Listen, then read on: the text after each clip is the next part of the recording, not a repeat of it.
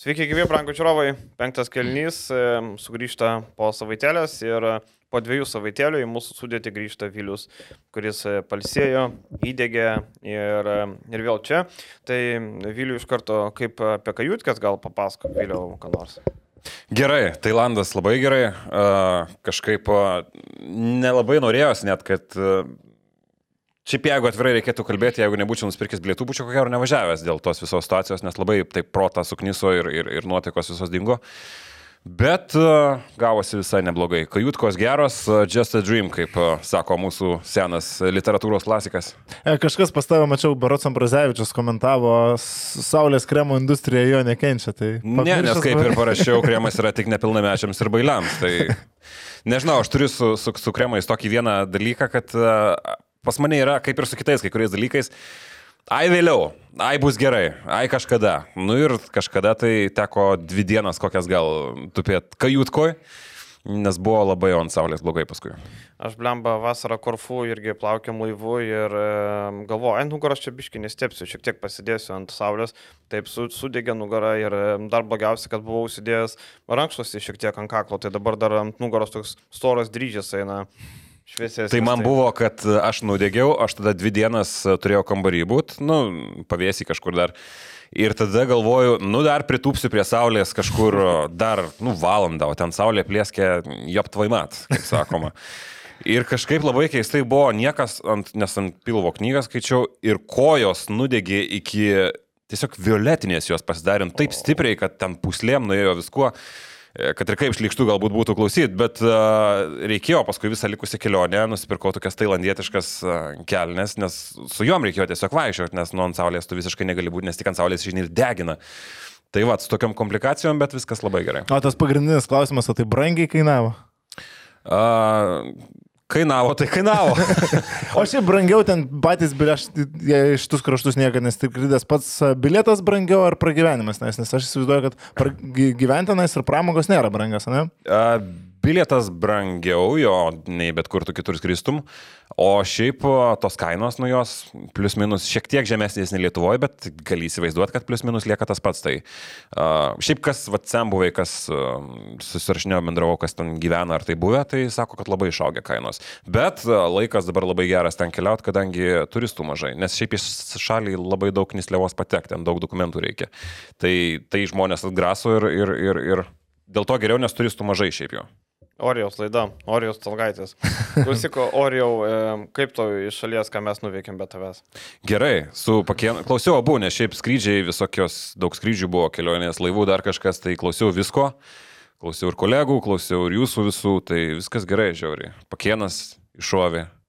Tai va, nu ne kairys, ne kairys. Mačiau, kad įsižeidė viškį, tai ne kairys. Jo, tai smagu, kad Vilius grįžo ir mes turim visokių dalykų, ne šią savaitę. Tai apie žalgerį pradėsime, aišku, tradiciškai nieko daug negalima kalbėti ir labai du skirtingi mačai. Nors taškų skirtumas labai nedidelis, E, taip, tarp, tarp 11 ir 14 labai maža riba, bet rungtinių įga, pati nuotaika, pats, pats visas reikalas visiškai skirtingas. Ir e, tarkim, rungtinės olimpiakos buvo 7000 beveik 400 žiūrovų, vakar buvo 6146, bet atrodė, kad e, su Pirėjo buvo dvigubai daugiau žiūrovų, vakar buvo dvigubai mažiau. Ir viskas labai susijęs su tuo, kad vakar Žalgeris atrodė visiškai įsikvėpęs, visiškai uždusęs ir bedvasės, man atrodo. Bet ar galima čia sakyti, kad jėgų pritrūko? Aš šiaip prie žiūrovų skaičiaus, tai šiaip džiuginantis, sakyčiau, visai skaičius, ypatingai pirmosios rungtynėse 7000, tai tikrai ne, neblogas rezultatas. Mane nustebino, kad pirmas rungtynės lenkia antras. Jo, nes po pirmų to vaibo turėjo būti visai neblogo, nes nus Olimpijakos tas mačas buvo toks, po kurio neliko to neskanaus prieskonio, tikrai nebuvo kaip sezono pradžioje ir na, vienas iš geresnių pralaimėtų rungtinių, taip turbūt buvo galima sakyti po olimpijakos, su jo varžovas vis dėlto šiuo metu realiai pretenduojantis į top, ketu, top ketvirtuką, jie turėjo gynėjų grandyje 4-5 pasirinkimus su Sluku, Dorisiai, Makysiku, nežaidžiančių gerai Volkupu ir Larenzakiu, Žalgris realiai turėjo uh, Lekavičių. Tai kai susumuoja visą tai, uh, Tai tas rezultatas buvo visai malonus ir pats žaidimas buvo visai malonus, o Sonodolo FSO vaizdas buvo visiškai kitoks. Ir čia aš ne tiek gal su nuovargiu sėčiau, kiek su Lekavičiaus vieno išjungimu. Nu, nėra Lekavičiaus viskas, nebėra jokio kito pasirinkimo Websteris ir Strelnikas varo konkrečiai minusą, tu jiem negali nieko patikėti šiuo metu, tai išjungi Lekavičių, išjungi Žalgirį šiuo metu. Tai iš esmės man abu tokie pralaimėjimai, kad ir kokie jie skirtingi, bet e, siejasi, remiasi į vieną ir tą patį. Lekavičius paliktas vienas ant mėsos. Ir tiek žinių. Ir aš antrą mačą iš dalies šiaip jau sieju su Lekavičiaus. Nu, vis tik man atrodo, kad išsikvėpė šiek tiek e, Lukas, nes pavyzdžiui, tie metimai, uh, flauteriai po driblingo, kurie į priekinę lanko dalį mušasi tritaškiai pakankamai kai kuriuose gerose situacijose irgi labai jau pro šalį. Nu, man atrodė, kad Lekas jau visiškai įsikvėpęs. Nu, iš kitos pusės tau pirmą mačią reikia žaisti, vaikytis Kostas Luką, gintis ir pult prieš Tomasą Vokapą, tai kad ir jisai žaidė į minusą Tomasas Vokapas, bet kaip Gedri Žibėnas mėgdavo sakyti, gynyboje juodos dienos būti negali, tai Vokapas visą laiką tai ir įrodinėjo, tai tas mačas jam buvo labai sunkus, bet dar net ir dalinai sėkmingas. O kalbant apie kitas rungtynės, viskas. Ir tau neturi kūrybos. Websteris, Stelniekas, čia mes dar pakalbėsim, bet tai yra tragedija, ką mes matom pastaruoju metu. Čia žodžių nėra. Ir Lekavičius, jeigu jis įsikvėpęs, nu, tai viskas. Neturim komandos. Ir mes vakar matėm po, kėl, po, antro, po trečio kėlinio, po antro kėlinio, antroji pusė. Nu, nebuvo rungtynių, viskas. Visa tai, kas vyko, jau yra tiesiog dėl rezultato, dėl kažkokio paduresnio skirtumo, bet rungtynių jau nėra. Viskas. Ir kaip Mačiau, Erginas Atamanas laisvės alėjoje ramus kavutę gurkšnojo prieš šimtinės, saulė šviečia, laimingas visas, tai toks pat laimingas jis ir išvažiavo, nes Žalgiris jam nesukūrė jokių problemų. Pirmas mačas man buvo geras, šiaip man patiko tai, ką aš mačiau ir, ir, ir tikrai viskas buvo gerai, kūrė kokybę, 3,5 kėlinio buvo kova, viskas tvarko ir mes tik tada leidžiamės į kažkokias detalės. Mm, fiziškumas, kamuoliai polimenė nusimti, falas, aišku, tu neturi jokių priekaištų, kur ir tai Žošas Nybau nugarą idealiai dirbo du kėlinius prieš jį. Nu, kalbant jau apie antras rungtynės, mes matėm tiesiog visišką dominavimą FSO ir čia jokias detalės negali leistis, tiesiog nebuvo. Nors vėl du kėliniai turėjo pirmauti žalgeris, mano akim, jeigu jis nebūtų įsikvėpęs. Bet aš, nežinau, gal jūs prieš tai kaip sakėt, ne, aš manau, kad žalgeris įsikvėpė ir a, su tokia rotacija palaikyti dvigubą savaitę su dviem elitiniam komandom, ypatingai talentingom gynėjų linijom, nu yra žalgeriui per daug. Realiai, jeigu pažiūrėm į Webster ir, ir Strelniką, jų indėlis yra labai prastas. Minus 6 balai per 2 mačius Websterio ir minus 5 balai Strelniko. Šiaip Janis stebino tuo, kad jisai nepataiko net laisvų tritaškių, kas yra, na, jo duona ir, ir druska, ne? Bet e, nepataiko ir tų metimų. Ir man atrodo, kad e, Janis kažkaip, nežinau, e, atrodo sveikas, ne? Atrodo pasveikęs, jau žaidžia kurį laiką, jau jisai rungtyniauja nuo KMT finalinių ketvirtų, dar šiek tiek anksčiau viskas gerai, bet, bet nu niekaip nepataiko ir čia pasitikėjimo kažkokio nėra man atrodo.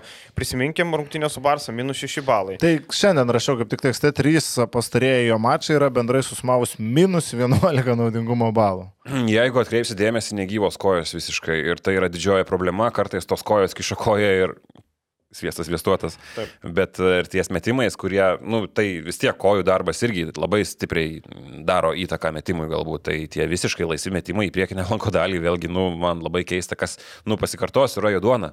Bet uh, fiziškai žaidėjas yra visiškai negyvas ir nepasiruošęs palaikyti uh, Eurolyginio tempo. Šiuo metu jis yra, kaip ir mes kažkada kalbėjom, Ispanijos Endesa lygos outsiderių lygio.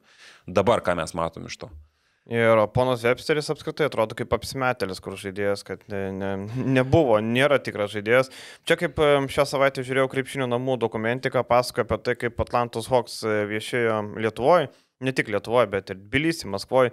Ir sako, Maikas Fratello sako, buvo nenorinčių vykti į šitą pusę, nes tuo metu tik tai buvo ta santykių su rusais atšilimas, nebuvo aišku, kokios sąlygos. Na, sako, surinkom, kas nori važiuoti septyni, sako, trūksta žmonių. Tai sakom, kas nori žaisti. Nu, tai atsirado e, kažkino draugas, kažkino kambariokas, sako, tu žaidės krepšinį, nu tai čia kažkur mokykloje, koledžiui, nu gerai, įmam. Dėl skaičiaus. Tai vad, man atrodo, Websteris yra tas kažkieno kambariokas, kažkieno klasiokas, žaidęs krepšinį mokykloje, visiškas apsimetėlis. Ta prasme, jo sprendimai trečiam kelnynų buvo mėgėjų lygos, lygio. Ta prasme, kažką Žalgiris kažkokį derinį bando daryti, tas pusprogą gavo, pis paleido į, len, į lanko šoną ir taip kelias atakas iš eilės. Nu čia net ne LKL lygis čia buvo, čia nežinau, tragedija kažkokia. Ta prasme, Dzukijos Dilanas Frajus tokių sprendimų nepriima. Man įdomu, kaip skirtai jame matė. Tai tas bišas, aš prisiminiau, iš Meilė be sienų projekte buvo, kur sakė, kad jisai profesionalus kažoras, bet... Mėgėjai. Me, mes apie Mėgėjai lygoje po šešias akis renka. tai ten ketvirtoji Ispanijos lygoje, man atrodo, ar penktoji yra žaidęs ten, e, tai va tokio. Tai jau, jau solidu, jau penkšimtę gauni, jau gyvent gali. O Websteris, nu tai ir tie metimai, ir tie sprendimai, bet iš esmės tai tu negalėjai eiti į, į, į rungtynę su kurieju, kuris tau taip perlaiko kamuolį 10 sekundžių ir vėliau ieško tik tai, kurį iškižint. Tai čia Eurolygoje yra žudikiškas uh, dalykas ir nežinau, tiesiog Zdovsas bando ieškoti variantų, bet man atrodo, kad reikėtų palikti paraštėse šitą žaidėjų. Vieną Bet- fuksą įmetė. Žinot, nu, palikti paraštėse, bet nėra ką Nėra ištraukti. Prasme, nu, Lekavičius 40 minučių žais negali, Titas, ar, kad bent būtų jaunimo, kurį tu galėtum pritempinėti realiai. Rūpsta. Nu, vienintelis Rupštavičius galbūt, galbūt, bet pozicija irgi netai, jis nėra pirmos, tarkim, pozicijos žaidėjas, reikia kažkokios kūrybos ir nuo tu bandai verstis su tuo, ką turi. Jeigu būtų jaunesnė Jokubaičio versija iš dublerių 15-16 metų pirmin, šaudom, bet tai kad nelabai yra. Nėra ką, Dominikas, nėra ką. Dominikas Tenionis į nevėžį išsiųstas, nu ir Dominikas Tenionis, nu aš netikiu, kad gali priaukti Eurolygos lygį, kada nors duok dievę Europos taurė, čia būtų labai gerai. O daugiau nuo šitas Argiūnas, mano akimis, šiek tiek per daug hypinamas. E, irgi ten talento tokio, kad galėtumėm sakyti, kad va, po dviejų, trijų metų turėsim tikrai Eurolygos žaidėją, bent jau šiai dienai aš nematau, tai, tai tokia ir situacija. Man dėl Strelnieko labiausiai yra apmaudu, kad, e, nu, okei, okay, dėl Mūdijai buvo labai daug kalbų tarp podcastų prie mūsų stalo, kad galbūt, jeigu įsižais čia bus didžiulis e, žmogus ir panašiai, mes iš dalies galim pateisinti, bet man tai labiausiai apmaudu, kad dėl Strelnieko, nu, iš karto mes visi kreivai žiūrėjome iš tą pirkinį ir kodėl jis yra čia, kodėl jis yra su tokiu vaidmeniu. Ir, nu, ir blogiausia yra tai, kad tos kalbos pasiteisino iš mūsų, iš mėgėjiškai situaciją vertinančių bišų prie stalo. Tai man tas yra apmaudu, kodėl Eurolygos organizacijoje mes dabar matom tokią situaciją ir mes esam priversti kalbėti, kad Lukas Lekavičius, kuris, nu, su visa pagarba nėra geras dalykas, jeigu pagrindinis perimetro žaidėjas yra Lukas Lekavičius, kad ir koks geras žaidėjas tai būtų, bet jeigu klubas taikosi aukštesnius rezultatus, tai negali būti taip. Bet mes dabar kalbam apie tokią situaciją, kad be jo tiesiog nėra kam žaisti. Nėra iš ko padaryti, tarkim dabar. Bet dabar jau nėra ką ir galvoti. Ne, nėra tikslo kažką daryti. Jo, nėra ką, nėra ką daryti, nėra tikslo. Man tas kalnėtis sėkmingai reabilituojasi. E, ant LKL atkrintamųjų jisai turėtų grįžti ir tą Zepteris šiukšlių minutės pasims turbūt. Viskas. Ir Bet- Bet... dėl to paskui aš, nu, aš ir sakau, dėl to, kad toks mačas Olimpijakos, nu, jis, ko tu daugiau gali reikalauti iš to žalgerio? Ko dar gali reikalauti išauna tokią pergalį kaip prieš Barsą? Viskas, sezonas yra nurašytas nuo gruodžio mėnesio ir tiek žinių. Bet vėlgi, aš atsuksiu laiką atgal, aš nesuprantu tų pasakymų, kad mūdijai prašo palaukti iki gruodžio mėnesio. Nu, mes laukėm iki gruodžio mėnesio ir matėm, kad ten, nu, dieve, lapkričio galėjau ten buvo viskas nuvažiavę. Tai dabar, ko mes galim reikalauti iš tos, iš tos komandos norėtai, kad nu, tiesiog ateini, matai kovą kaip su Olimpiakosu, viskas, ko reikia, viskas, žiūrim į kitus metus. A, Mes čia te kalbėjom, nu turbūt Janis Trelnikas kokybės, kainos ir numatyto vaidmens santykių per pastarąjį dešimtmetį be neprašiausio žalgrio įimas yra. Jo, e, turbūt galima sutikti. Ir Janis, jo, dabar Jaka Blažičius atrodytų, kad spalvotas televizorius. Jaka Blažičius bent jau pataikytų į skylę, nu kaip bebūtų. O ir jisai šiaip C9 Olimpijoje gerai groja Europos tauriai ir jisai gerai žaidžia ten. Ir dar kai pagalvoja, Strielnikas atvažiavo pakeisti tiesiogiai Grigonio, čia visi, o, tai Grigonis į CSK, mes iš CSK Strielniką, tas ant to dabar, kai pasižiūrė į tai, ką duodavo pernai Grigonio, žalgriui su, tarkim, savo prasta atkarpa, kartais su savo per, pernelyg reiškiamomis emocijomis ir galvos pametimu ir matai, ką duoda Strielnikas, tai yra, nu, nesulyginami dalykai. Bet žinok, man atrodo, šiuo metu Zornas Dragičius geriau duotų. Aš tą patį dabar norėjau irgi pasakyti po, po Blažičiaus. Jo, nes e, šiaip Zornas neblogai įsipaišė į C9 Olimpiją, aišku, lygis kitas, bet neblogai atrodo ten ir gauna ir solidžią rolę, o Jaka Blažičius, kas, kas mažiau seka 15,70 taškų ir 17,9 naudingumo balų. Tritaškius pataikant 41,4 procentų. Tai Jaka Blažičius žydė ir šiuo metu C9 Olimpija B grupė yra ketvirta komanda. Tai bet, bet tok, tokios tokelės. O apie Websterį kalbant, dar žinai, kas yra LKL krintamosios. Realiai Websteris nei prieš Lietkabelį, nei prieš rytą neduos jokios naudos, netgi tokiam lygiai.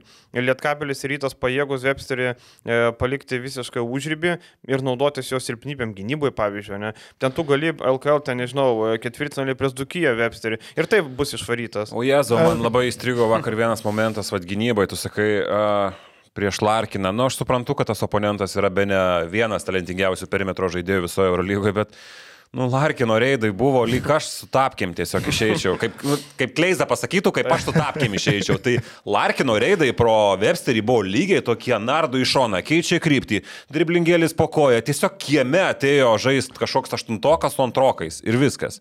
Tai taip atrodo jo matchupas su, su, su, su Tajum Websteriu. Na tai ir dar vienas dalykas, kaip parašiau šiandien toks Websterio žaidimas, jo galvos neturėjimas išmuša visą likusią komandą iš vėžių. Tarkim, yra kažkokie susitarimai, yra kažkokios, kažkokie deriniai, ką tu turi žaisti, įmeti Websterį, gauni visišką chaosą kelias minutės ir paskui tau vėl reikia sugrįžti. Tai aš manau, tai išbalansuoja visą aparatą. Ir jeigu anksčiau po kažkokio sezono žalgerį mes galėdavom sakyti, kad žaidėjai eina į viršų, eina į priekį kažkas, dabar po pastarųjų dviejų sezonų mes turėsim konstatuoti, kad yra kas baigia karjerą, yra kas keliauja, nežinau, Rygos VF. O Garino Pala irgi baig... Garino baigė. Važiavo bet... į Nanterą, dar vieną traumą. Nanterą, gero. Bet irgi panašu, kad gali būti, kad sportbačiai ant vienos. Praktiškai viskas, jo. Tai man... du žaidėjai baigė. Čia dabar labai daug kas priklauso nuo paties žaidėjo psichologijos, bet kad jam durys į aukštą aukšto, ne aukščiausio, o aukšto lygio krepšinį uždarytos kol kas. Nu tai faktas, nu sunku patikėti, kad jo kažkas patikėtų. Argentina gal kažkokios outsideriai, gal kokie nors, nu kažkur. Iš šiaip, jeigu pažiūrėtume, kas vyksta su praeito sezono žalgiu, gerai, Martinas Gebenas Vokietijos vidutiniokė rotacijos centras. Nieko gero. Tikėjomės, kad ten bus tas, ta vieta, kuris išausi viršų. Ne.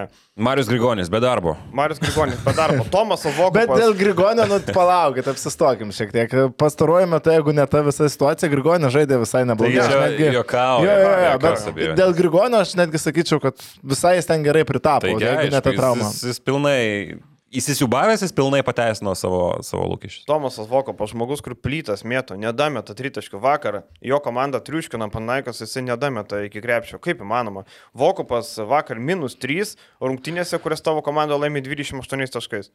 Kaip galima? E, Prie žalgerį minus 4. Tai Vokopo realiai, Vokopo žaidžia kaip Websteris. Vokopas gaus Webster. Nu tikrai, per du mačius minus 5 balai ir e, tragedija. Nu visiška. Tritaškių pataikymas 20,3 procentų beliko.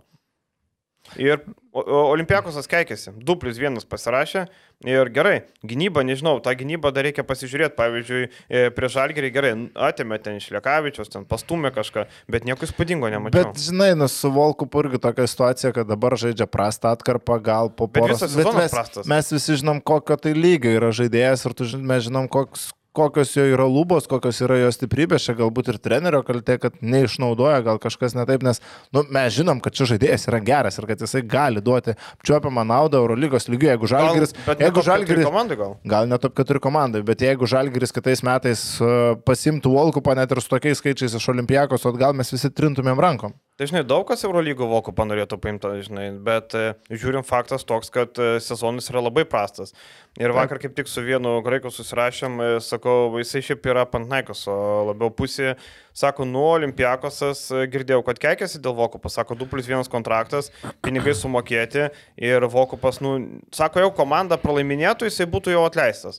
Jo tokia prognozija buvo. Kai komanda yra top 4, tai aišku, kad tu net leidinėjai ten, ten ir puinciai ant suolo. Aš tai žiūrėdamas į Vokapą tokį įspūdį susidarau, kad e, jam yra sunku pritapti prie labai talentingos perimetro linijos. Nepamirškim, kad ten yra Lukas, nepamirškim, kad ten yra Dorsiai ir taip toliau ir panašiai, plus Janulis Larenzakis dar kažkur trinasi, jau čia skirtingos pozicijos, bet, e, nu, iš esmės jam sunkiau yra pritapti, nes ir pasižiūrėjus į metimų skaičių, metimai tritaškiai iš visų mažėjo per pusę. Aišku, dar sezonas nesibaigė, bet tendencija jau yra tokia.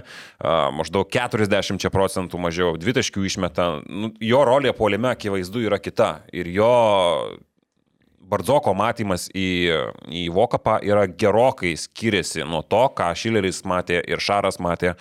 Žalgerį, ypatingai Šileris paskutinių sezonų, tai tą pataikymą palaikyti irgi, kai tu praktiškai, nu, tu nesi pirma opcija, gal ir psichologiškai sunkiau, o gynyboje, kiek man teko matyti, o teko matyti nemažai, Nelabai ten kas pasikeitė nuo žalgerio laikų, jis ir toliau, toliau išlieka vienas geriausiai besiginančių perimetro žaidėjų ir viskas su juo yra gerai. Bet polime man toks vaizdas, kad problemos yra tos. Nu, aš tai Man šitas žaidėjas patinka, bet aš sutinku, kad sezono jis gero nežaidžia.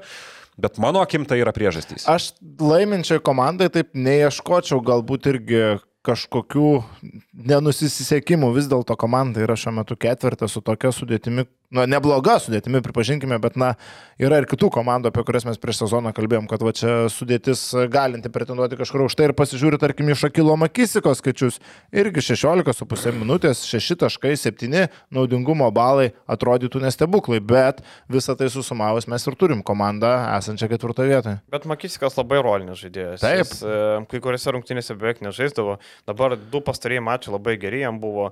Ir šiaip vakar Olimpijakos energija, e, aš tiesiog e, paprastai, ne, Žalgeris žaidė, Olimpijakosas panaši situacija, plus Olimpijakosas turėjo keliauti namo, e, bet vakar Olimpijakos energija buvo, na, maksimali nuo pat pradžių, kaip, kaip smogė Panatnaikos, tai tie net bijojo pažiūrėti.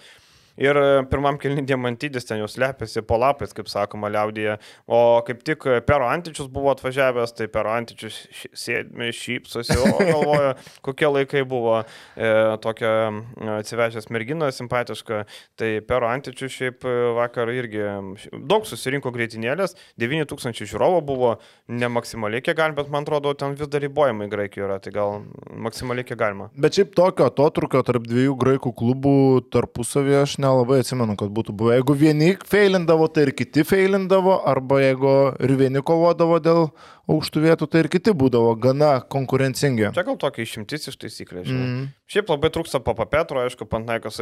Ir Pantnaikos šiaip matosi subirėjęs psichologiškai, ką ir sakė Howardas Enrosas, kad vieni kitų pykstam, kažkur kažkas nesigauna, tai labai labai matosi tie dalykai, pavieni veiksmai, Meikonas savo, Nedovičius savo, e, e, Papajanis vidutinius savo nėra variantų. Visai kito lygio komanda ir, ir nieko čia nepadarysi.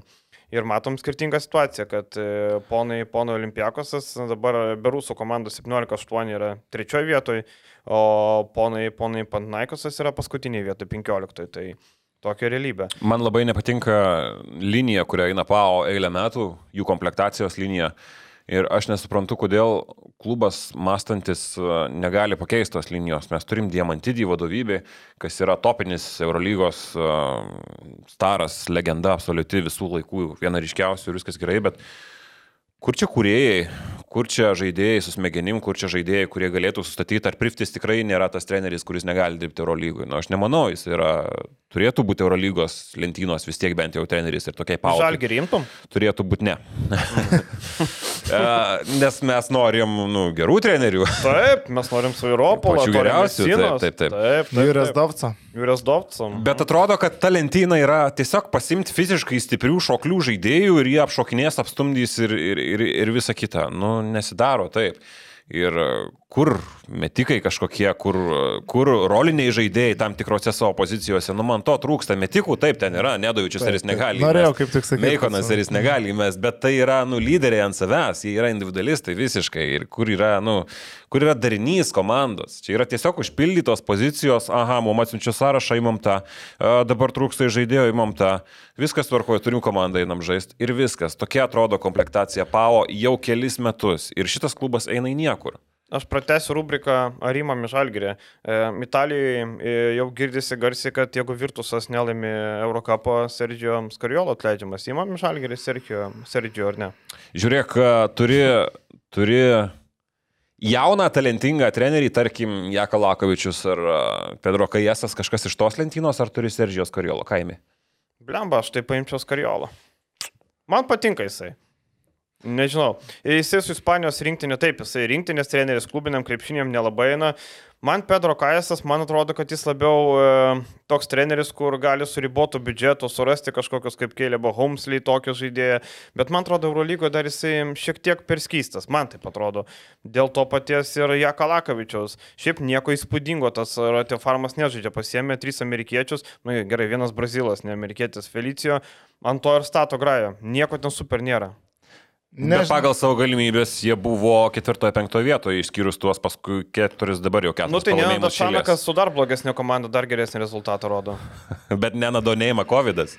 Bet nenadonėjama. Šitą reikia atkreipdėmėsi. Jo, Nenadas yra vienintelis Lietkabelio narys, kuris nepersirgo COVID. -u. Jeigu taip žiūrėt žaidėjų, trenerių štabą, nes vienu metu buvo asistentas sirgo, vienu metu sirgo komandos vadovas, e, bet e, Nendas Čanakas taip... Čia kaip antikūnius darėsi? Aš žiūrėjau, aš žiūrėjau e, Netflixas turi filmą, nu turėjau kažkada seniai žiūrėjau, Černobilio rusai sukūrė tą pakaitalą, nu, kur, kur HBO buvo serialas ir mes taip, taip. teisingą, tai tam pagrindinis veikėjas. Aš pirmą kartą mačiau žmogų, jis, jo neima radiacija.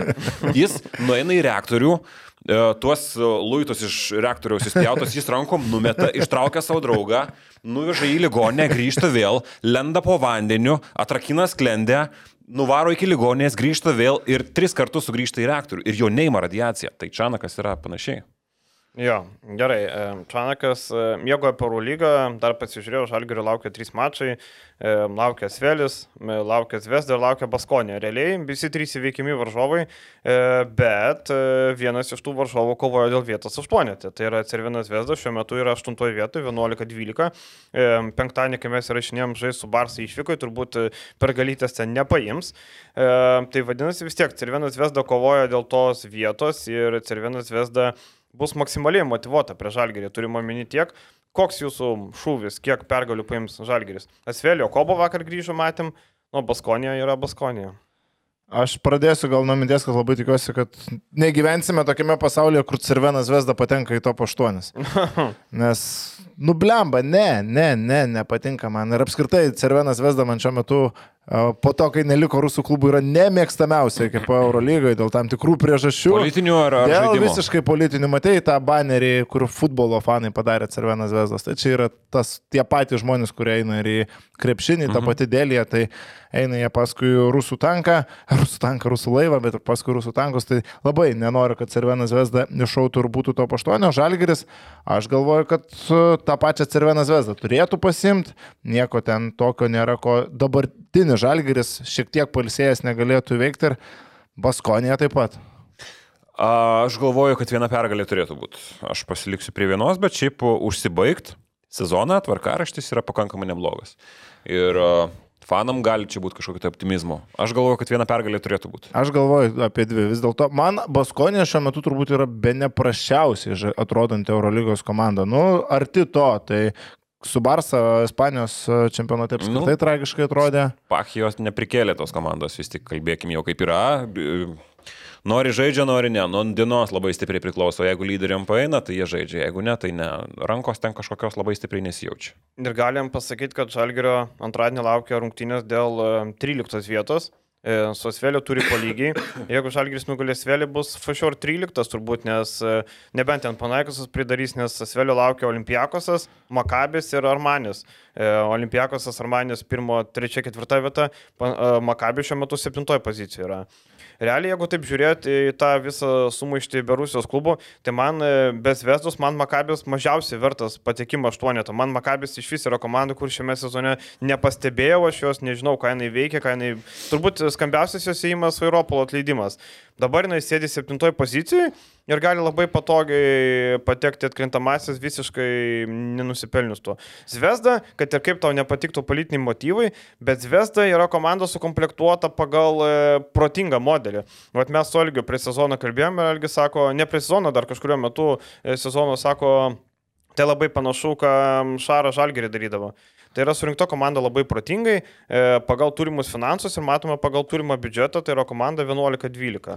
Tai... Man e, aš irgi nelabai kreipiu dėmesį, jeigu jinai žaidžia Euro lygoje ir aiškiai jinai ten gali žaisti ir viskas su jie tvarkoja, ką fanai daro, tai čia jų reikalas, kas vėlgi yra negražu, bet aš man irgi krenta į akis tai, kad uh, nu, ta komanda nežaidžia man patinkančio krepšinio, jie žaidžia kančią ir, ir taip toliau ir panašiai. Ir man ji nepatinka pagal savo komplektaciją. Uh, nors jinai yra tvarkingai sukomplektuota, nes atitinkamos pozicijos jos yra sulibdytos, jos turi jungiančių žaidėjų ir jos praktiškai galima sakyti taip, kad viena prie kitos labai gerai dera, bet ką jie rodo, kokį krepšinį, nu man tai nepatinka ir aš, aš nemėgstu tokio krepšinio ir aš jų lygiai taip pat aš jų nenorėčiau playoffuose, bet net dėl kažkokių kitų priežasčių. Šiaip Zvezdai lemiami mačai bus su Alba ir su Bayernu. Dar iki Žalgirio rungtynių, jeigu jie tose rungtynėse nepasijima abiejų pergalių, nu, turbūt su Žalgiriu jau vargu ar ten išgelbėtų tas laimėjimas, jo, kad paskutinis jų mačas su Onodolu FS, o dar vienas, viena tema, kadangi apie Svelį šiek tiek užsiminėm, nu irgi turint omeny, kaip pradėjo sezoną ar kaip atrodo dabar, aišku, visos traumos išbalansavo komandą, bet ir tas pats Elio Kobo, jeigu mes čia kalbėjom, kad e, jau tikrai Madrido Realas jam deda kontraktą tarp sezonų, jau čia elitiniai klubai įmedžioja, tai tai kaip atrodo Kobo dabar, šiek tiek tą užtikrintumą bent jau man mažina. Aš tai neturiu abejonės dėl jo, man atrodo, jos kilsa niekur nedingo. E, Tiesiog baterijos kažkurio metu išseko. Bet ar būdamas top 4 komandos top 5, top 6, tarkim, nekalbu ten apie Barceloną, galbūt apie Realą. Im, imtum, ar imtum Elio Kobo kaip pagrindinį savo SG? Imčiau, kodėl ne? O ką geriau Eurolygo rasi? Larkinas nupirktas Realo, o ką paim dar? Pavyzdžiui, dabar Corey Higginsas, tave įtikina traumų maišas Corey Higginsas. Bet Corey, jeigu reikėtų rinktis ar Higginsą, Ne, ne tai, Kobo. tai aišku, bet Jeigu sveika, tai taip, bet... Uh, Nu, tu prieš sezoną nežinai, ar jis bus sveikas. O ar- Kobo lygiai taip pat, jis turėjo, reikia atsižvelgti, jis uh, žaidė kai kuriuos mačus irgi su skausmais ten buvo su rašyta. pėties problema. Su pėties Am. problemom jis ir turėjo ilgą laiką dėl praleist rungtynių, bet jis ir žaidė su, su tais skausmais, tai čia nereikia to nurašyti. Ką jis rodė pusę sezono, mane įtikina, kad jis gali žaisti gerokai aukštesniam lygiai. Ir jam tik 25 bus e, spalį. Viskas ok, aš tik e, sakau, koks hypas buvo sezono pradžia, bet tarkim vėlgi, Panteris ar Kobo? Panteris. Bent jau mano atveju. Nu, Panteris. Panteris, tik Panteris. kaip bosas, Panteris. Panteris. Tai žiūrint ir į tas top komandas, tarkim, Realas, jeigu pasiima Larkiną, Barcelona, iš esmės, jeigu niekas per daug nesikeičia irgi, o Kobo, nemanau, kad ten ir tinkamas žaidėjas ir nemanau, kad Tas ką vietoj Grigonio. Na, Jeigu CSK žais Eurolygoje, pradėkime, čia žinai. licenciją. Nu, Aš netikiu, kad licencija. išmestas, ką mes jau kalbėjom. Kiaušų reikia, turėtų išmest. Aš galvoju, kad neturėtų būti CSK, Zenito, Unixo, nėra. Tai Zenitas. Uniksas neturi licencijos, su jais bus Jos paprasta. labai lengva iškatinti. Bet koks skirtumas? Politinės priežastys tokios pat. Ir jeigu Eurolyga turi kiaušus ir juos parodys, CSK ten neturi būti. Beje, Aš labai tikiuosi. e, o dėl Okobo, pavyzdžiui, Nadolo FS. Įsiskirstys, va, vietoj Larkino Okobo paimčiau. O kodėl ne? Paimčiau vietoj, o ką tu vietoj Larkino geresnio rasi? Šiandien bandyk vežtis kažką. Tie geresni nevažiuos. Apskritai aš galvoju, kad bet kokiu atveju Nadolo F, kad ir ką jiems po Larkino ar Micičiaus išėjimo, jiems bus sunku, mes matom, kaip neprilimpa naujų žaidėjai Arginui Otamanui ir ten ar Kobo bus. O Kobo būtų klaida, man atrodo, vykti į Nadolo F. Nu. Jeigu bus geresnių pasiūlymų ar iš kokio Armanė, ar iš, nežinau, kad ir Fenerbakčia kokios, tai aš rinkčiausi tikrai ne Nadolo. O jeigu pabaigiant tą temą apie Eurolygos lentelę, tai man labiausiai gaila Stambulo Fenerbakčio komandos. Tai jinai, ji dabar turi 9-13, minus 2 pergalės nuo Zvezdos, aišku, sužaidus vienu maču mažiau, bet tarkim nuo Makabio minus 2. Ir viskas šviečiasi tuo, kad šiaip Fenerbakčio normalioje lentelėje turi 12-13, ar ne? Ir atėmus tas pergalės prieš rusus, Nu, gaila man jų, šiaip komanda gera, dabar sugrįžo traumuoti žaidėjai, dar turi šansą, aišku, iškovoti poziciją, bet labai sunkiai, aišku, Vitorijoje reikia laimėti, tada išvyka į Barsą Bet tada lengviau Alba, Panatinaikos Makabė. ir jo, Bairnas dar. Tai jo ir Bairnas. užsibaigti vos ne 4-0 turi galimybės. Bet realiai, jeigu jie nori patekti, reikia beveik viską. Penkias pergalės, kokias tikrai reikia paimti. Ir gaila Fenerio, ir šiaip čia, kaip sakant, savo savam keulę pakišo, ne? Ir čia ir gino tą mano tie žodžiai po rungtinių, kad e, neturėtų klubai balsuoti, aš sutinku, nes klubai balsavo už kiekvienas kaip jam, ta lentelė atrodo tvarkingiau ir naudingiau. Jeigu Fenerbak čia lieka dešimtą su naujų skaičiavimu, tai jinai tikrai nebalsuos už tokį. Jeigu ten Monakas kyla per tris pozicijas, aišku, jis balsuos už tokią poziciją. Tai man čia uh, realiai įsivaizduokit, kai Seime būna balsavimas ir kažkas supainioja e, viešuosius ir privačius interesus. Tai čia visos komandos supainioja viešuosius ir privačiosius interesus balsuodamos šitų klausimų. Nes šitas klausimas tiesiogiai liečia jų vietą turnyrinėje lentelėje. Tai kažkoks absurdas, kai komanda pati gali nuspręsti, kuris ku- modelis jai yra geresnis. Šiaip e, čia galima suvesti paralelę, kas vyko Eurolygoje e, su tais balsavimais, kokį spaudimą gavo kiekvienas Eurolygos narys, kas žiūri Formulės 1 e, serialą, Netflix'o dabar naują ar ne, naują sezoną. Tai koks yra spaudimas varžybų direktoriui Michaelui Masi, kuris jau nebeužima šių pareigų dėl skandalingų sprendimų paskutinėme etape. Ten po kiekvieno epizodo Red Bullis savo varo, Mercedesas savo ir tu į, abi ausinės, e, Toto Wolfas, jas Toto, ten tas Horneris, jie Matijas Horner ir, žinai, iš abiejų pusių. Tai panašiai buvo Eurolygo, iš abiejų pusių buvo skirtingų pusių. Rusai savo dainelę grojo, Fenerbakčia savo, Anadolu savo, visi labai daug interesų, labai daug susitiko skirtingų nuomonių, kam kur palankiau, kas už ką balsuos. Ir, ir čia tikrai pritariu Širgio Tamanui, kad turėjo lygą priimti sprendimą ir viskas. Aišku, tada vėl būtų tas pats, kad iš vienos pusės skambina Nadolo, iš kitos Feneris, iš trečios Vatutinas. Bet tada tiesiog visus gražiai pasiunti ir sakai, mes priėmėm sprendimą, viskas. Tai vien tik tai dėl to. Lygiai taip pat ir kiaušų nėra su tais pačiais rusų pašalinimais, aš įsivaizduoju, jeigu klubai balsuoja, o klubai yra iš skirtingų valstybių, tokie kaip Zvezda, pavyzdžiui, paimkim. E, ispanai neaišku, ką galvoja, pavyzdžiui, visiškai, nu, jų neliečia, jie visiškai atsipalaidavo. Nu, realas milijoną paskiria Ukraina, čia irgi taip, žinai. Negali... Ir Barsa turi Šarą, kuris aiškiai pasisako tą temą, bet tarkim... Bet kaip ir jos. Neaiškios, aš turiu omeny, kad neaiškios yra logikos, kažkas neaiškios, neaiškus principai ir taip toliau ir panašiai. Lyga turi imtis tam tikrų kažkokių sprendimų ir taip toliau ir panašiai. Tai čia vėlgi yra tas kampas, kur uh, lyga nerodo tiesiog kiaušo, o tu numeti šunim pjautis ir jūs aiškinkitės ir viskas. Nu, Gal galėtas toks... pats SK balsuoja kur čia jau iš viso prasidėjo. Bet jisai yra licenzijos savininkas. Na taip. taip. Čia, čia yra esminis reikalas. Tai va, laukia tikrai įdomus reguliaraus sezono finišas, netikėtai įdomus po to, kai išmetė mūsų komandas, tai labai bus įdomu. Tas pats Bayernas 12-16 vieta, bet grįž po COVID, jam bus labai intensyvus tvarkaraštis, turės po du mačius per savaitę kapoti iki pat galo, tai čia irgi labai neaiški situacija. Bet e, reguliaraus sezono pabaiga tikrai bus įdomi, bet lyginant su praėjusiais metais, aš panašu, kad ketvirtfinalio serijos bus nekokios. Tikrai nemanau, kad tos komandos, tarkim, Zvezda dabar iššoka kaip aštunta. Prieš Barsą. Ar su Barsą. Nu, Nėra šansų. Zero, zero. Šiandien šansų. pamatysime, aišku, vakarė repeticija gal, bet šiaip zero. Tikrai. Na, aš dabar žiūriu į tą lentelę ir man labai gaila, kad čia yra Makabis, o čia nėra Fenerio. Tai tas pats Makabė, ar realų gali pasipriešinti serijai? Nu, negali. Tai kai mes pernai turėjom, kur visos aštuonios, visos keturios poros buvo tikrai geros ir visas jas buvo įdomu sekti, šiemet ketvirtfinalio etapas, tikiuosi, kuris teoriškai gali būti įdomiausias, bus neįdomus. Aš tikiuosi, kad Monakas bus aštuoni, tai kad jis tums Zvezda arba Makabė. Monakas 11 pergalių, 13 pralaimėjimų, tai reikia tikėtis, kad sugebės patekti į tą, nors Monako tvarkaraštis sunkus, bet Monakas žaidžia labai gerai. Dabar Monakas yra viena karščiausių komandų Eurolygoje. Ir Monakas pagal tą seną lentelę apskritai šiuo metu būtų penkto vietoje su 15 pergalių. Pagal naują 12 jie turi, ne? 11. 11. Sėdi 11, 8, okay. 9 vietoje sėdi.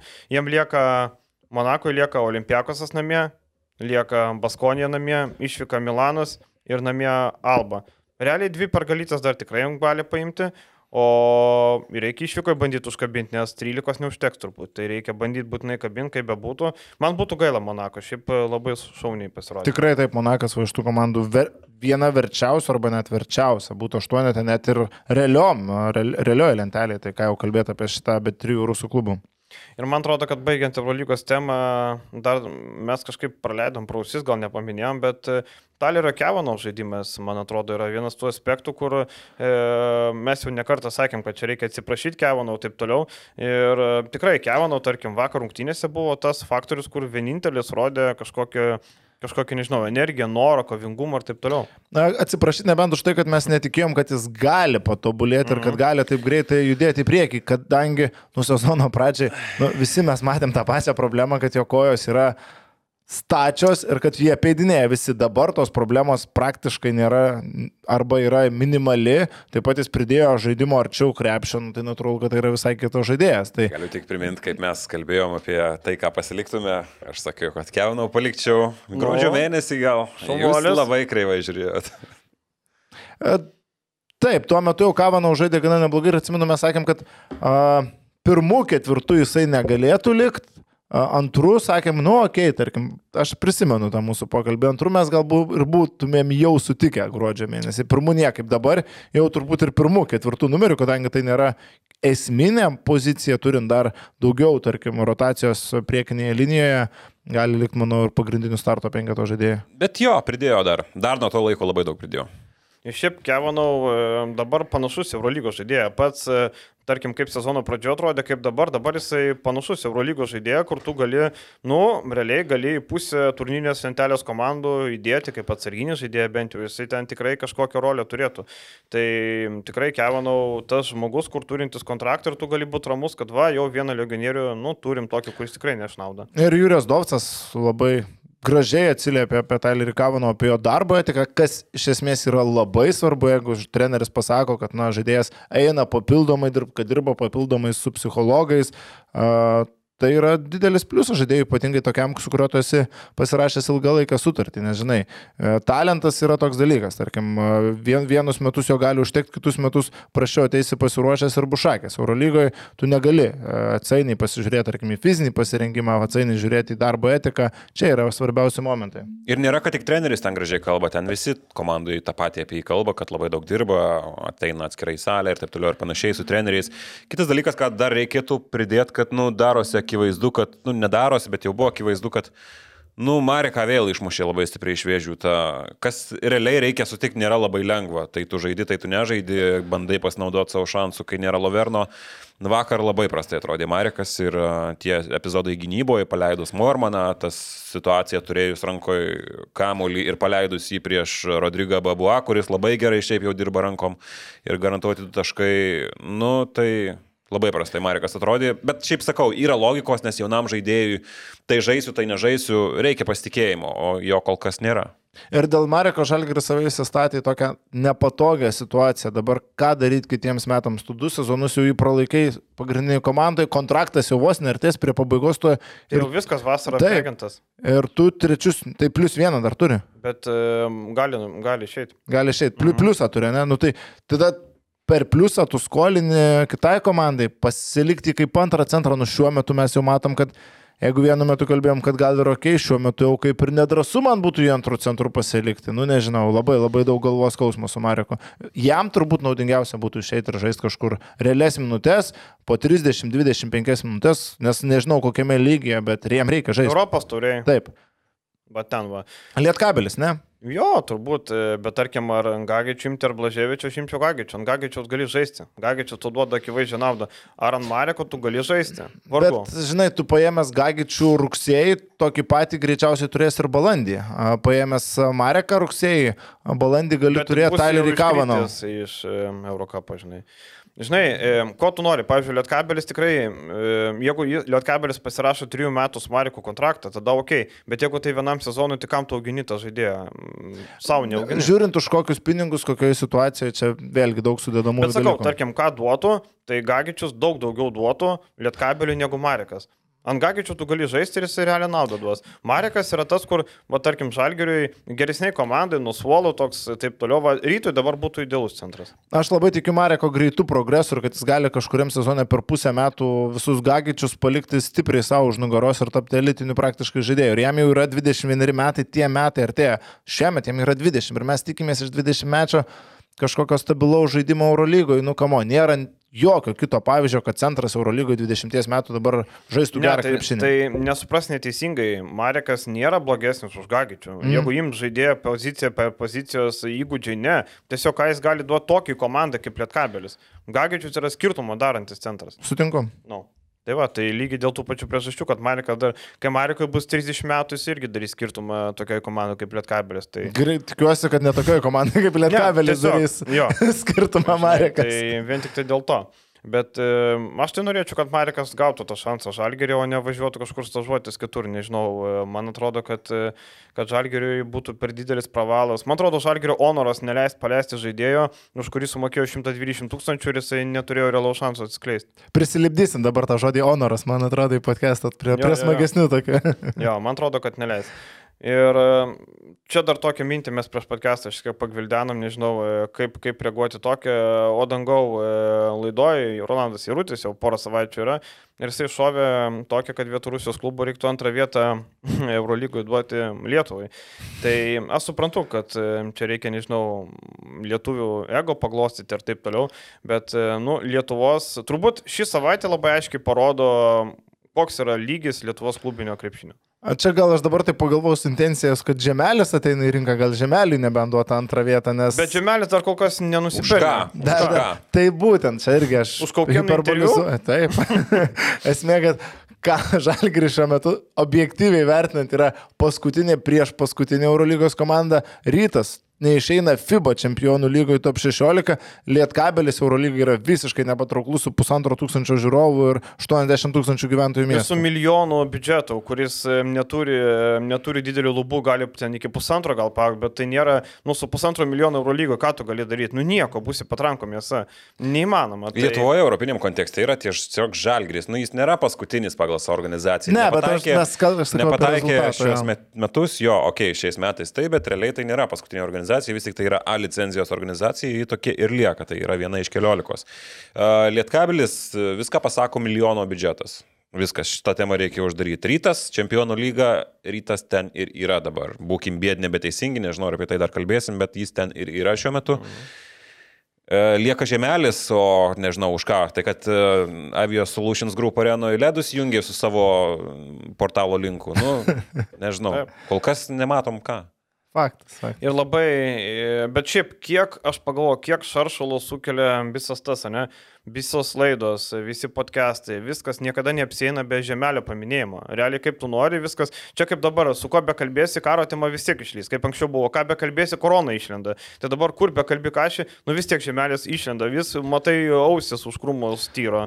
Nu mes 20 metų, daugiau negu 25 metus neturėjome ateinančio stipraus žaidėjo į rinką. Ateidavo ten klubelis kažkoks į mažai, kai kokie vaišeidavo į LKL, dar kažkas, mes dabar turėsim naują klubą, okay, ten pakildavo Neptūnas, tarkim, bet tai nebūdavo naujas visiškai žaidėjas, bet iš esmės mes turėsime visiškai naują šviežią žaidėją ir be abejo, kad tai kelia intrigą ir visiems tai yra įdomu. A, aš tai dar vat pridėsiu jo dėl to Eurolygų, nes šiaip kars nuo karto pasigirsta to, kad Lietuva galėtų turėti ir panašiai, nu ne, negalėtų. Ir čia yra tiesiog kalbos tų žmonių, kurie savotiškai įstrigę tais laikais kažkada nuo 2006 iki 2011-2012, kada Lietuva turėjo dvi komandas Eurolygoje, kada rytas buvo toks, koks jis buvo tuo metinis Lietuvos rytas. Ir tai yra tiesiog žmonės, kurie vis dar gyvena tais laikais. Tai yra Jarutis, Ir tai yra, nu, Jonas Vainauskas pas mus įdėjo, sako, galėtų būti ar kažkada, kad Lietuva turi turėti Eurolygai, žiūrėkime iš Eurolyga viską mato pagal finansinės prizmės per tą Euriuko ženklą, e, kur čia Lietuvoje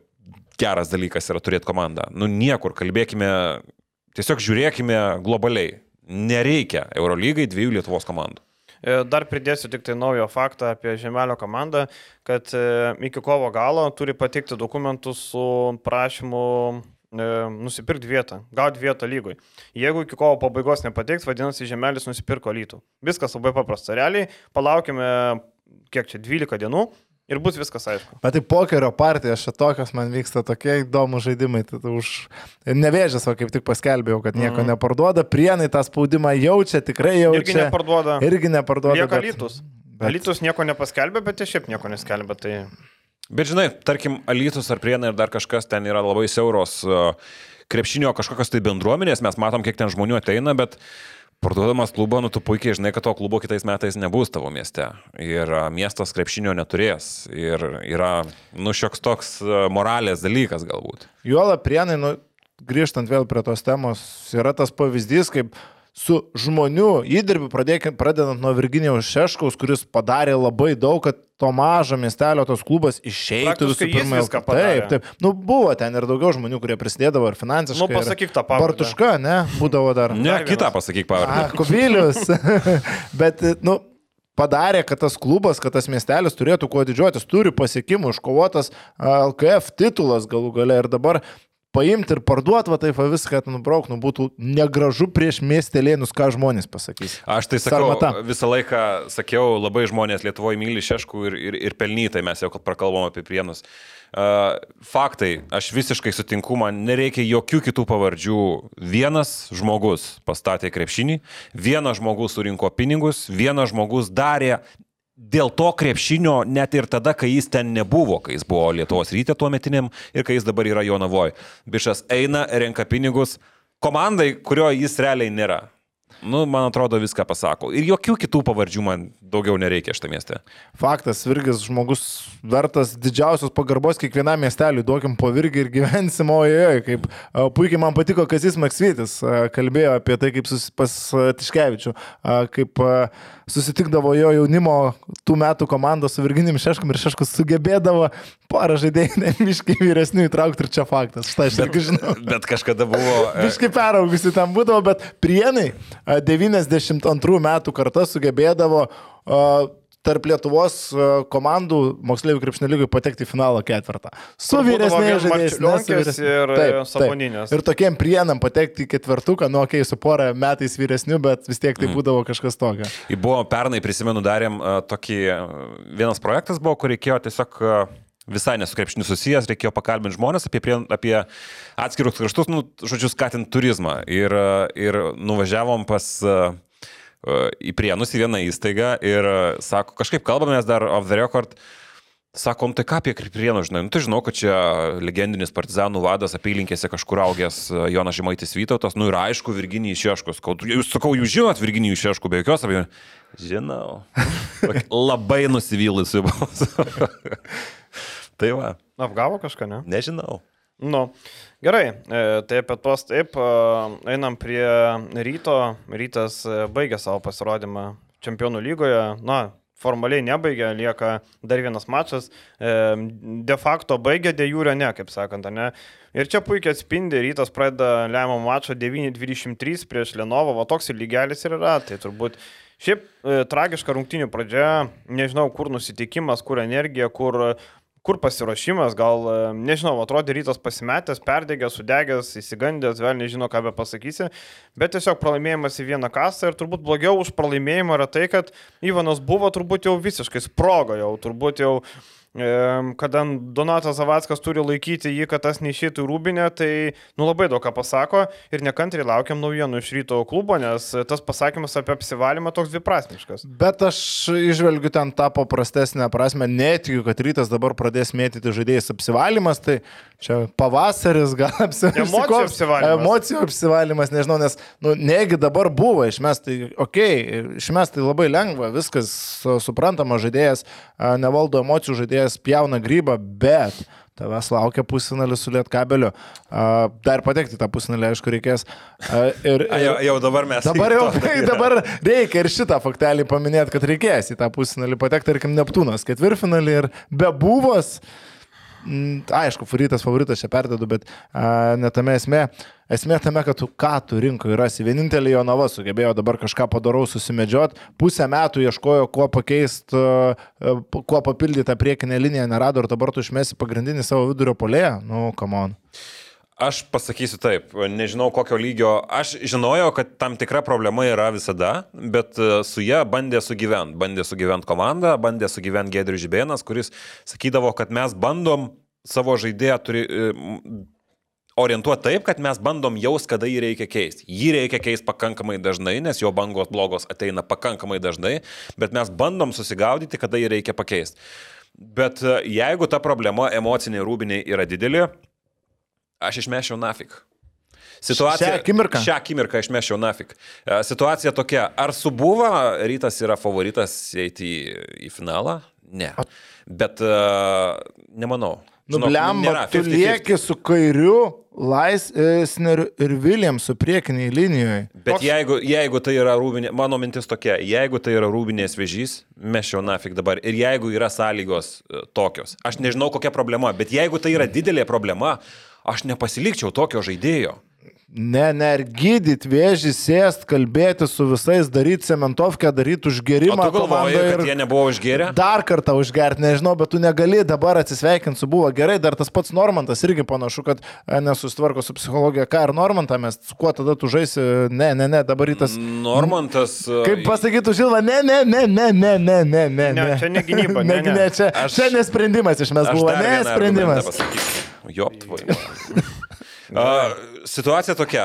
Labai dažnai komandose suteikia, su, suveikia, suklikina tas dalykas, kad jeigu tu išimi stringančią vietą, jeigu tu išimi vėžį, komanda yra visai kitokia. Ir kartais tas spragų trūkumas tam tikrose, spragų, sp- spragos tam tikrose pozicijose, jos kartais a, yra užglaistomos, nu, energija, noru, a, kad mes vėl komanda, dabar ten komandos nėra. Kuriam Dabar- laikui, kuriam laikui tu užglaistysi? Finalam, finalam. Ne, neužglaistysi tokių finalų. Finalui ne, bet patekimui į finalą. Aš sakau, Užglaistysi dviem, trim savaitėm. Aš esu tokios pozicijos, kad jeigu yra, aš vėl kartoju, didelė problema, aš nežinau kokia, ar tu žinai, aš nežinau. D- Du metrai kiek? Dešimt, dvylika. Va, tai ki- kokia didelė tai yra problema komandos viduje. Jeigu treneris garsiai kalba apie tai, man atrodo, tai yra didelė problema. Ir jeigu tai yra didelė problema, ir jeigu įmanoma, nenusiskausminant finansiškai kažkaip nukirst tą vėžį ir jį išoperuot, aš operuoju. Nu bet ką tu vietojo paimsi? Aš sutinku, kad situacija negeresnė. Aš turiu ką paimti. Nu ką prasme. paims Edgaras? Aš turiu Drew Gordoną iš Budivėlniko, nieko neveikianti.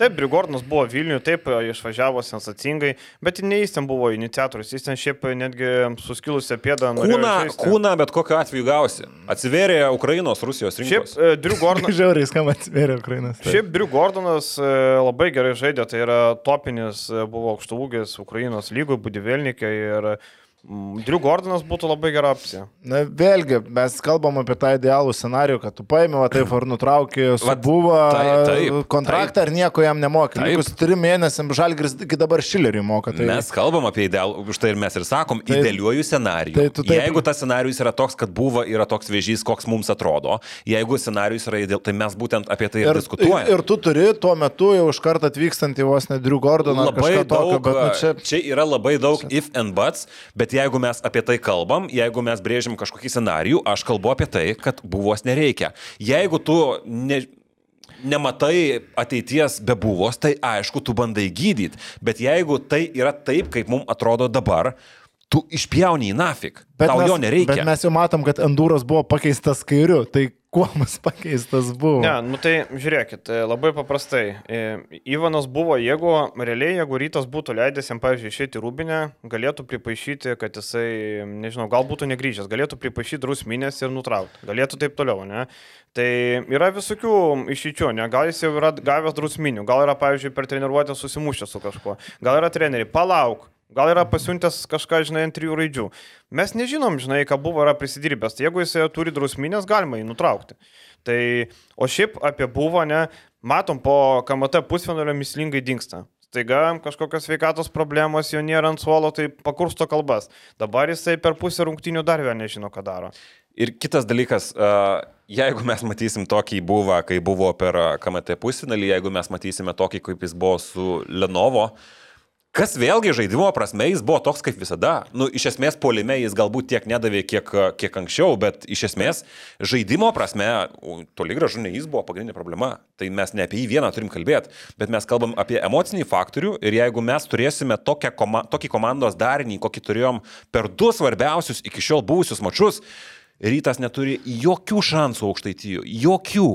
A, Bet žiūrėkit, dabar dar vienas dalykas, išmeti buvo ir tu vėl į įvaizdį savo met, kali dar tokį vienį visiškas krachas. Šiuo metu atsisveikint su buvo, man tai būtų rytui užsidėjimas dar vieno X ties dar vieno sezono, kad nu, tai yra beviltiška situacija, beviltiška organizacija ir uh, tu subiri Bet- pavasarį. Pavasario pradžioje tu atsisveikini su kažkokiam ambicijom, nublemba. E, Yra, mes kaip ir sakom, nežinom, kiek bloga to buvo situacija. Visa tai yra daugiau išvedžiojimai, nes e, po to pačio KMT e, finalo ketvirto Žibėnas mūrų stojo, kad viskas yra tvarkoje, tai ką melavo.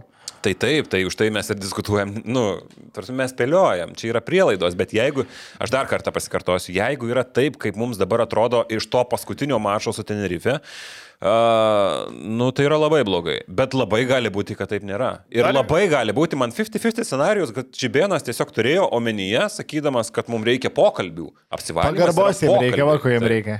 Ir dar vienas e, žmogus, kuris e, šiuo metu neturi darbo. Arčiomas Porochovskis, ryto patriotas. Taip, jis yra Baltarusis. E, Jis buvo siūlomas Juventus komandai ir kiek žinau, Juventus e, atmetė jo kandidatūrą dėl, e, būtent dėl, dėl šios priežasties. Jis yra Baltarusis. Ir jis paskutinis, aišku, paliko Parmą, ten yra kiti reikalai, bet nežinau, kokioje pozicija e, ką jisai galvoja. Jeigu rytas paimtų Parochovskį ir Parochovskis atvažiavęs sakytų Slavų Ukrainė, gal viskas gerai būtų, ne? Bet jeigu atvažiavęs Parochovskis sakytų, kad e, ukrainiečiai į Rostovos rytį raketas paleido, tai nebūtų labai gerai, ne?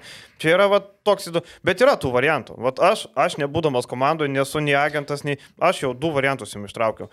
Man atrodo, rytas buvo, turėjo tokią situaciją, žinai, kartais būna komandoje, realiai, jeigu pažiūrėtume ryto žaidėjus vieną prie vieno, tai yra Fani bičiai susirinkę. Išskyrus vieną buvo. Visi kiti yra labai faini, labai geri, labai draugiški. Ir kai vienas yra vėžys tarp ten 11 gerų bičių, jie galvoja, kad susitvarkys, kad tas vėžys pritaps prie kitų. Čia žinai, kaip sako, jeigu trys blogi, tai tada jau išves visą komandą iš kelio. Tai buvo čia vienintelis blogietis tarp gerų bičių. Visi kiti yra žiauriai geri. Gerai, bičiai. mes negirdėjom tavo aišku žodžio, ką tu darytum. Aš ką daryčiau, aš katinčiau buvo, jeigu yra rinkoje bent vienas žaidėjas, jeigu tu gali nukatinti abipusių, jeigu jis nenori žaisti, tu nenori žaisti, tu nukatini, tu turi pinigų, yra dar ką paimti, yra dar laiko, iki LKL atkrintamųjų dar yra laiko. Ir tu turėsi visai kitokį grajoką. Taip. Sakai, buvo taip lengvai, nu, čia vėl, kad buvo lengvai nusitrauktų likus trim mėnesiam ir dabar išeitų. Nu, gerai, mėnesį sumokė. Nu, gerai, Bet aš girdžiu mėnesį. tavo balse jau, kad tu krypsti į mūsų Ne, stovyklą. ne, ne, aš vis tiek sėščiau kalbėtis. Tu, jeigu matei, kad yra problema su buvo anksčiau, tai reikėjo tai spręsti anksčiau. Dabar jau yra per vėlų. Bet gal tai kentėjo kovo mėnesis. vardant rezultatų, tikėjo, kad... Nu tai viskas, tai išeiti. kentiek iki galo, bandyk laižyti žaizdas, paimk psichologą, kainuos, nežinau, kelius tūkstančius eurų, gal, kad kiekvieną dieną buvo dirbtų su psichologu. Ir, e, Bet e, Gal mes tai kažką apie padės. žaidėją, kuris įeina į veterano amžių. Mes kalbam apie žaidėją, kuris yra pakeitęs per savo karjerą 14-15 komandų. Ar čia yra tie dalykai, kurie galėtų padėti tokioje situacijoje? Mes kalbam apie situaciją, kur aš kalbėjau ne vieną ar ne du kartus šitam podcast'e uh, Normanto pasikibirkščiavimus akim su, su, su, su buvo. Normantas yra pakankamai taikus bičias ir akivaizdu, kad jis labai diskutuoti ir pyktis nenori. Nors jis būna gynyboje paliktas antrojo linijoje su šaudimui visiškai prieš Taip. kitų komandų. Normantas centrus. taikus bičias. Mm. Taip, Normantas yra tarkim. komandiškas žmogus. Taip, taip, Normantas yra geras bičias. geras bičias, bet taikus. Taikus.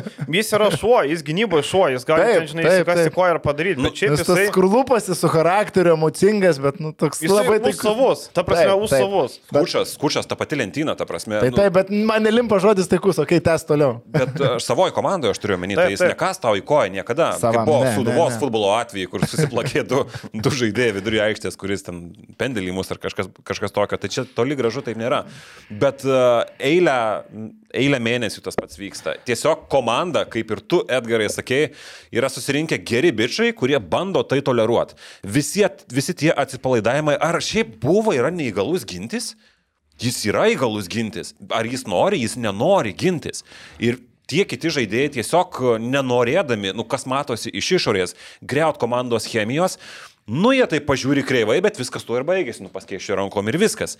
Bet akivaizdu, kad komanda bando tai toleruoti. Bando. Tai kiek jau mėnesių praėjo ir mes dabar turim tokią situaciją. Aš manau, kad sprendimas, jeigu jis yra įmanomas ir jeigu tai yra taip blogai, sprendimas yra tik vienas. Žiūrėkit, aš nesiūlau su Ivanu buvo pasirašyti trejų metų kontraktą ir kad jis baigtų karjerą Vilniaus ryte, bet prisiminkime, kad jisai jau praėjusį sezoną baigė Vilniuje visus tuos pavojų signalus, jeigu jūs toks tragiškas žmogus komanda matė iš anksto, nu dabar praėjo jau yra daugiau, jis daugiau negu metai komanda ir ką, per metus tik dabar galiausiai išlindo jau ten su visom įvorykštėms pailom, gerai pasibaigs FIBA čempionų lyga, liko tos, tos vienerios rungtynės, bus pertrauka, bus vėl emocinis pakilimas, nes reikės laimėti prieš LKL klubus ir vėl ta komandos psichologija atsigaus. Man atrodo, tie staigų sprendimai dabar čia su mėtymais tik pakenks. Reikia atkentėti va, tas paskutinės rungtynės a, sambotėjai, tada pa, pasikelt moralę, pasikelt psichologiją laimint prie Zukiją ir eit lūpti su Lietkabeliu pusinalio serijoje. Mano sprendimas. Jau nesikartosiu, mano, e, mano mintis ta pati, bet man labai smagu, kad mes turim skirtingas nuomonės. Jo, labai gerai ir labai gerai, kad yra išeičių, kaip sakant, tokių pasiūlymų. Bet gerai, e, Parochovskis Gordonas buvo. Pasilieki buvo ar įmi Parochovskį ar Gordoną? Subuvo nusitraukiau, nieko nekainuoja. Nieko nekainuoja. A, Paro. Parochovskis atvyksta už tos pačius pinigus. Nu taip, gal netgi pigiau iš Jeigu toks variantas įmanomas ir jeigu komandai tikrai viduje yra taip blogai subuvo, kad jau tenais lipa visiems ant galvos, tada taip, bet mes va, visų šitų detalių nežinom. Tai. Ir jeigu Parachovskis dar už Ukrainą. Jo, ar Parochovskis dar turi būti už Ukrainą. Taip. Ai, Bet mes realiai apie tą patį šnekėjom visą laiką. Neužjurkės kariauna. Tai Sakant. reikia visų šitų keturių, jeigu, kad jie sutaptų. Tai ar jie visi keturi sutampa, nu aš nežinau. Jo, tai... O šiaip apie pačias rungtynės nėra ką kalbėti, ne? Ne. Ten e, absoliučiai nesuvokiami dalykai vyko nuo pat rungtynių pradžios. Ir, žinai, ta kūno kalba, tarkim, į buvos veiksmus taip toliau, tu matai, kad e, tu taip pyksti, kai jau, nu, neviltis, jau galvoju, nu, nusibodo šitas bičias, nu jau viskas. Tai, žinai, būtų vienkartinis vieną kartą, bet čia atrodo, nu viskas, nu jau nebegali tu jį žiūrėti. Aš šiaip dėl Speedy Smito šiek tiek gal irgi nuvylė šiose rungtynėse. Aš Taip. vienu metu kalbėjau, kad nu, tikras ryto lyderis buvo tikrai mačo, kuris ištraukė. Čia Vilius, matau, jau šypsosi, bet dabar nu, labai prasta, labai. Netikėjau niekada šito žaidėjų, nes tu negali Nes tikėti. nemėgsti žmonių su dredais. Anksčiau man būdavo, atsimenu, kaip uh, Dželabalis gi buvo legendinis uh, prancūzas ir, nu, aš kaip gali būti kažioras, nu, kai, kai tu buvai ten gal 10-12 metų, tai atsimenu, su dredais. Lieva šitas bus, jau, jau aiškiai metimo neturi, turi problemų. Ir su... rūko žolę būtinai. Taip, taip, tai būdavo. būdavo Narko, narkotikai. Taip, buvo, buvo anksčiau tas, bet dabar tai nesusiję niekaip. Tiesiog, nu, didžiulis ups and downs, nu, ryškus trūkumai, labai ribotas žaidėjas. Gali jis tave patraukti, bet gali ir e, patemti į apačią, nenuskandinti, bet patemti į apačią. Tai tikėt e, spydžius metu ir kad jis tave nuviltų, nu manęs jis nenuvilė, nes tiesiog aš žinau, kad jis yra žaidėjas. Prie ups and downs savokos anglų žodinė jo nuotrauko turėtų būti. Aš žiūrėkit, dar vienas klausimas. Rytas pernai išsitraukė uh, Vaidą Kariniauską, sužaidusi gerai žemesnėme lygyje. Ar šiai dienai Kristupo Žemaitis jau nėra geresnis negu Vaidas Kariniauskas? Į, žinai, aš į šitą dalyką žiūriu atsargiai, mes kiekvieną... Jo, kiekvieną kartą labai lengva uh, palyginti žaidėjus. Vienas yra didelėje konkurencijos savo karjeros viršūnėje, gavęs karjeros kontraktą, tai yra Vaidas Kariniauskas, jis yra didžiulio spaudimo aplinkoje. Ir Kristupas Žemaitis, okay, tai yra žaidėjas, kuris žaidžia aukštesniam lygiai, paimkime Europos tauriniai čempionų lygą, bet uh, Lietkabelį mes visada žiūrim kitaip. Mes į to žaidėjus visada žiūrim kitaip. Ir Lietkabelis, Europos taurė yra ta komanda, kur, o, smagu, laimėjo. Jeigu pralaimi, nu, vad dabar su Badalonu. Na, čia yra didžiuliai skirtumai, viskas tvarkoja. Rytas turi imt, rytas turi performint. Ir rytas, rytos ir galiai, ryto heiteriai nelaukia. Labai neteisinga lyginti šitoje situacijoje šitos du žaidėjus, man atrodo. Krisas turi kontraktą su Lietkabeliu. Aš, ne, aš nesakiau, kad Ne, reikia imti, aš tiesiog, jo, jo. prie, primečiau, jeigu reikėtų rinktis iš šitų žaidėjų, dabar tarkim vasarą, kurį man reikėtų pasirinkti, iš, iš tos pusės. Ir Kariniauskui dar, kas aš pagalvojau irgi iš tą stebėdamas rungtynės, kad, nu, tos traumos labai kišakoja. Jis nėra Faktas. toks žaidėjas, ką mes matom atkarpom iš tos blogosios pusės. Jis gali geriau. Jis yra šito lygio žaidėjas, čempionų lygoje jis gali žaisti. Ne, aš tikrai nieko neturiu prieš Kariniauską, čia ne, nesupraskite neteisingai, aš tiesiog žemaitis pradėjo tiek gerai žaisti mano akimis, kad nu, aš nematau dėlio skirtumo tarp ir tiek. Bet, pavyzdžiui, ryte, jeigu e, Smith ar Lekomtas, aš dar gerai pagalvočiau, kurį imčiau. Šiaip Lekomtas rodo, į polime labai duoda, duoda daug gynybo ir Smithas ir Lekomtas. Lekomtas gal prastesnis šiek tiek. Smithas- Lekomtas pratesnis gynyboje, tikrai. Jo, Smithas gal šiek tiek įbesnis, bet e, jeigu reikia skoringo, reikia taškų, tai Lekomtas patikimesnis man taškų rinkėjas. Elmaras jau nešneko, Elmaras, tarkim, e, e, iškart tas žaidėjas, kurį imčiau, e, jeigu reiktų galvoti, ne? Elmarą tikrai, Elmaras man yra geriau Speedy Smithą. Manau, kad Elmaras polime talentingesnis, jeigu tau reiktų tokio antro numerio, labiau tokio antro pirmo, ne? Manau, kad Elmaras geriau atlikėjas negu kuriejas. Nors gali sukurti, bet labiau, kad jisai taškus darytų. Aš Elmarą pasimčiau tokį taškų darytoją. Mėsos šitoje komandoje yra prieš kitus metus labai daug mėsos, geros mėsos. Trūko to, ko mes ir kalbėjom rudenį. Skorerio, lyderio polime. Nu, Margeris Normantas yra geras žaidėjas, bet nu, jis negali būti perimetro lyderis. Man atrodo, laiminčioje komandoje, kuri gali kaip Čalgeriui, gali kaip čempionų lygoje. Girdžiūnas irgi nebegali. E, Girdžiūnas irgi jau mes kalbėkime apie tos lemiamus metimus, bet visiškai pritariu, jis nu, jau nebėra ta žaidėjas. Uh, Tenerife, jeigu tu nori kauti su Tenerife, Tenerife, kalbėkim kaip yra, į dabartinį Europos taurėjai, jį būtų prie lyderių arba pirmosiose ketver, ketvertuose bet kurioje grupėje. Jeigu mes turim Kanarus kaip lyderius dabar B grupėje, Valencija ten yra, tai ta ta pati lentyna yra ir Tenerife, tai rytas sutiko labai gerą komandą, bet įeiti į lemiamas rungtynės uh, su tokiu, nu čia yra pasityčiojimas iš tos pačios B tribūnos, kur yra tau po dešinę visą laiką pasuolų, nu tai yra labai blogai ir to negali būti, čia yra didžiulė gėda, aš sutinku su Žibėnu, čia yra didžiulė gėda. Blogiau buvo tik tai Strasbūrė. Mano akimis Strasbūrė buvo blogiau ketvirtas kelnys negu su Tenerife, nes tu ten turėjai pergalę, ten komanda labiau subirėjo ir a, vėl pasikartojant, kad visų visa pagarba Žibėnui, man jo kalbėjimas po Strasbūro buvo absurdiškas apie tai, kad a, a, viskas čia gerai, komanda kovojo iki galo. Ne, komanda nekovojo iki galo Strasbūro ir ten buvo prapiltas a, kelialapis į kitą etapą. Ir tai reikia pripažinti, ne su Leonovo rytas pralaimėjo top 16, o būtent Strasbūrė. Tai viskas, tai ryto kelionė baigėsi ir e, būtent ryto grupėje vienintelės dvi komandos aiškios, e, kas patenka toliau, tai Sigas ir e, Lenovo. Kitose grupėse dar situacijos gerokai mažiau aiškios, ten Unikaha pateko, visi kiti kelialapį atviri, tai mes dar apie... Šiaip tik tai Glotas Rajas nustebino, patyręs Vesko, su Mauricio Andūro nesugebėjo išėti iš grupės ir nebeturi šansų. Grupė labai lygi, kitos. Ir komandos... su Pušica. Jo, ir su Pušica, taip. Tarp kitko, sorry, pertraukiau, mm. Prienai gavo panašius pinigus už Pušicą kaip rytas už Andūrą. Jo? A. Nu, va, matai kaip gerai. E, tai 1-4 Galsas Rajos, 3-2 Dižonas, 3-2 Holonijų Netas ir 3-2 Liudvisburgo Rysinas. Tai Galtas Rajas pralaimėjo toliamą kovą e, Dižonui ir prarado šansus.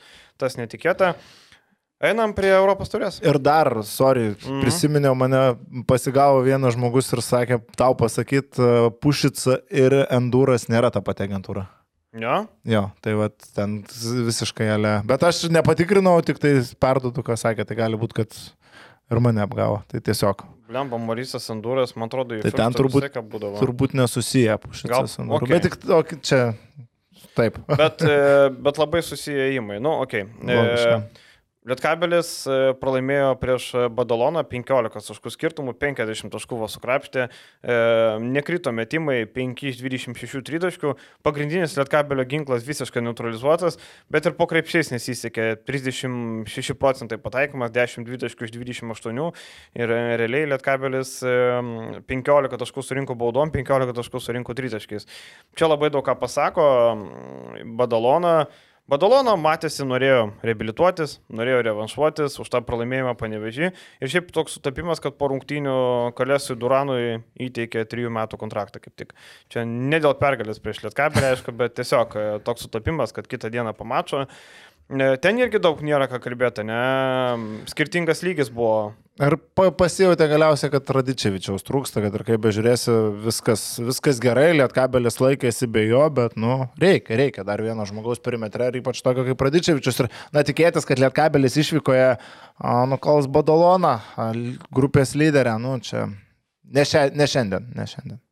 Ne, skirtingos lentynos, absoliučiai. Čia net nėra ką, manau, labai daug išsiplėst.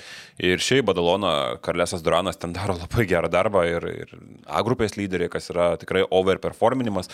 Overperforminimu galima vadinti ir, ir, ir tai, kad dabar ketvirtą geriausią rezultatą jie turi Ispanijos Indesui, kas aišku, mes nešnekėkime apie Manresą su Pedro Martinezu, kurie dabar yra treti.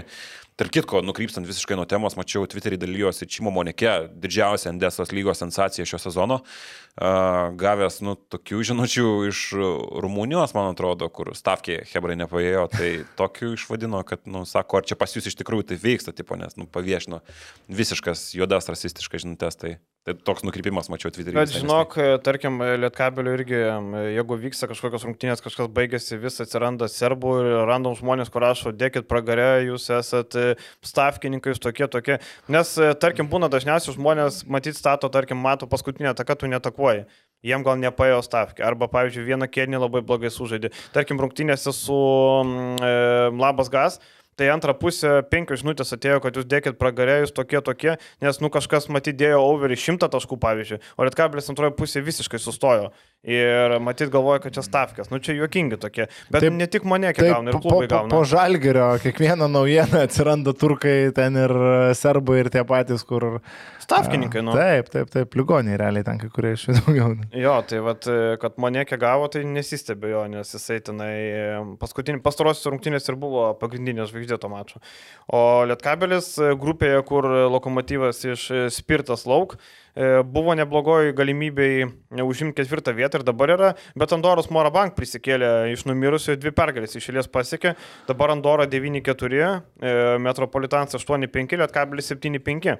Ir Lietkabelis dar turi rungtynės su Andora ir Turk Telekomu išėlės e, namuose, tada lauks Hamburgas ir Metropolitans išvykoje.